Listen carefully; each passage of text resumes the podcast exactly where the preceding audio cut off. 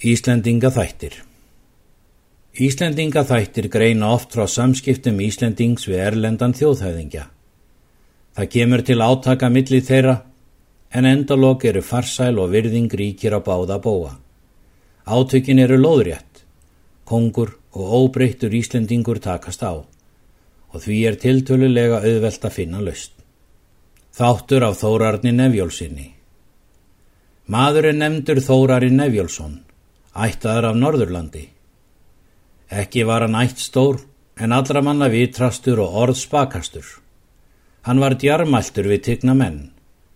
Hann var farmaður og dvaldist oft utanlands. Þórarinn var með ljótari mönnum. Engum voru hendur hans ljótar en fæturnir þó miklu ljótari. Þegar þessi saga gerðist var Þórarinn stattur í Túnsbergi í Noregi en hugðist fara til Íslands á skipu sínu þá um sömarið. Hann var kunnugur Ólafi Haraldsinni Norrikskonungi og var hjá honum nokkra daga í bóði hans og svafi í konungsherberginu á samt fleiri mönnum. Þá var það eitt morgun að konungur vaknaði á undan öðrum. Það var bjart í herberginu því sól var komin upp. Konungurinn sá að fótur þórarins stóð út undan ábreyðunni. Hann horði á fótunum stund og þegar menn vöknuðu saði kongurinn við þórarinn.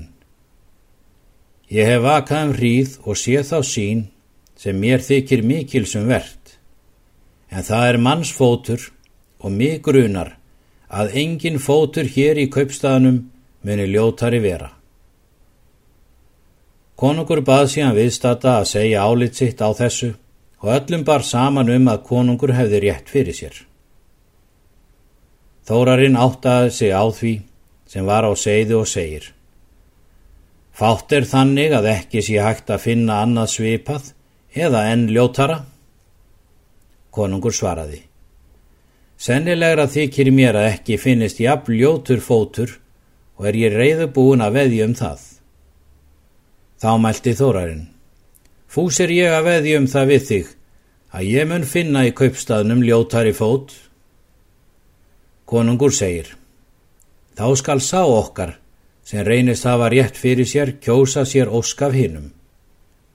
Svo skal vera, segir Þórarinn. Hann brá undan sænginni hinnum fætinum og sá var ekki fallegri, enda vantaði á hann stóru tána. Þá mælti Þórarinn.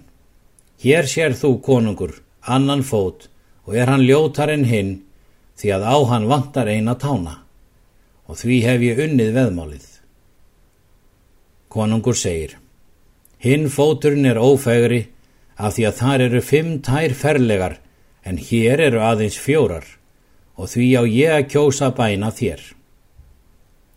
Þórarinn sagði þá, dýrt er drottins orð. Trátt fyrir þessi endalók fór Þórarinn sáttur á konungsfundi og veitti honu þá bæn sem konungur vildi þykja en það var að fara í sendi ferð til fjallags lands. Að móti gerði konungur Þórarinn að hyrðmanni sínum, en það var innmitt svo ósk sem hann hafði ætlað að býðja konunga að veita sér ef hann hefði unnið veðmálið. Það var ekki lítill heiðu fyrir íslenskan og ætt smáan mann að verða hyrðmaður Norriskonungs. Úr heimskringlu Snorra Sturlusonar.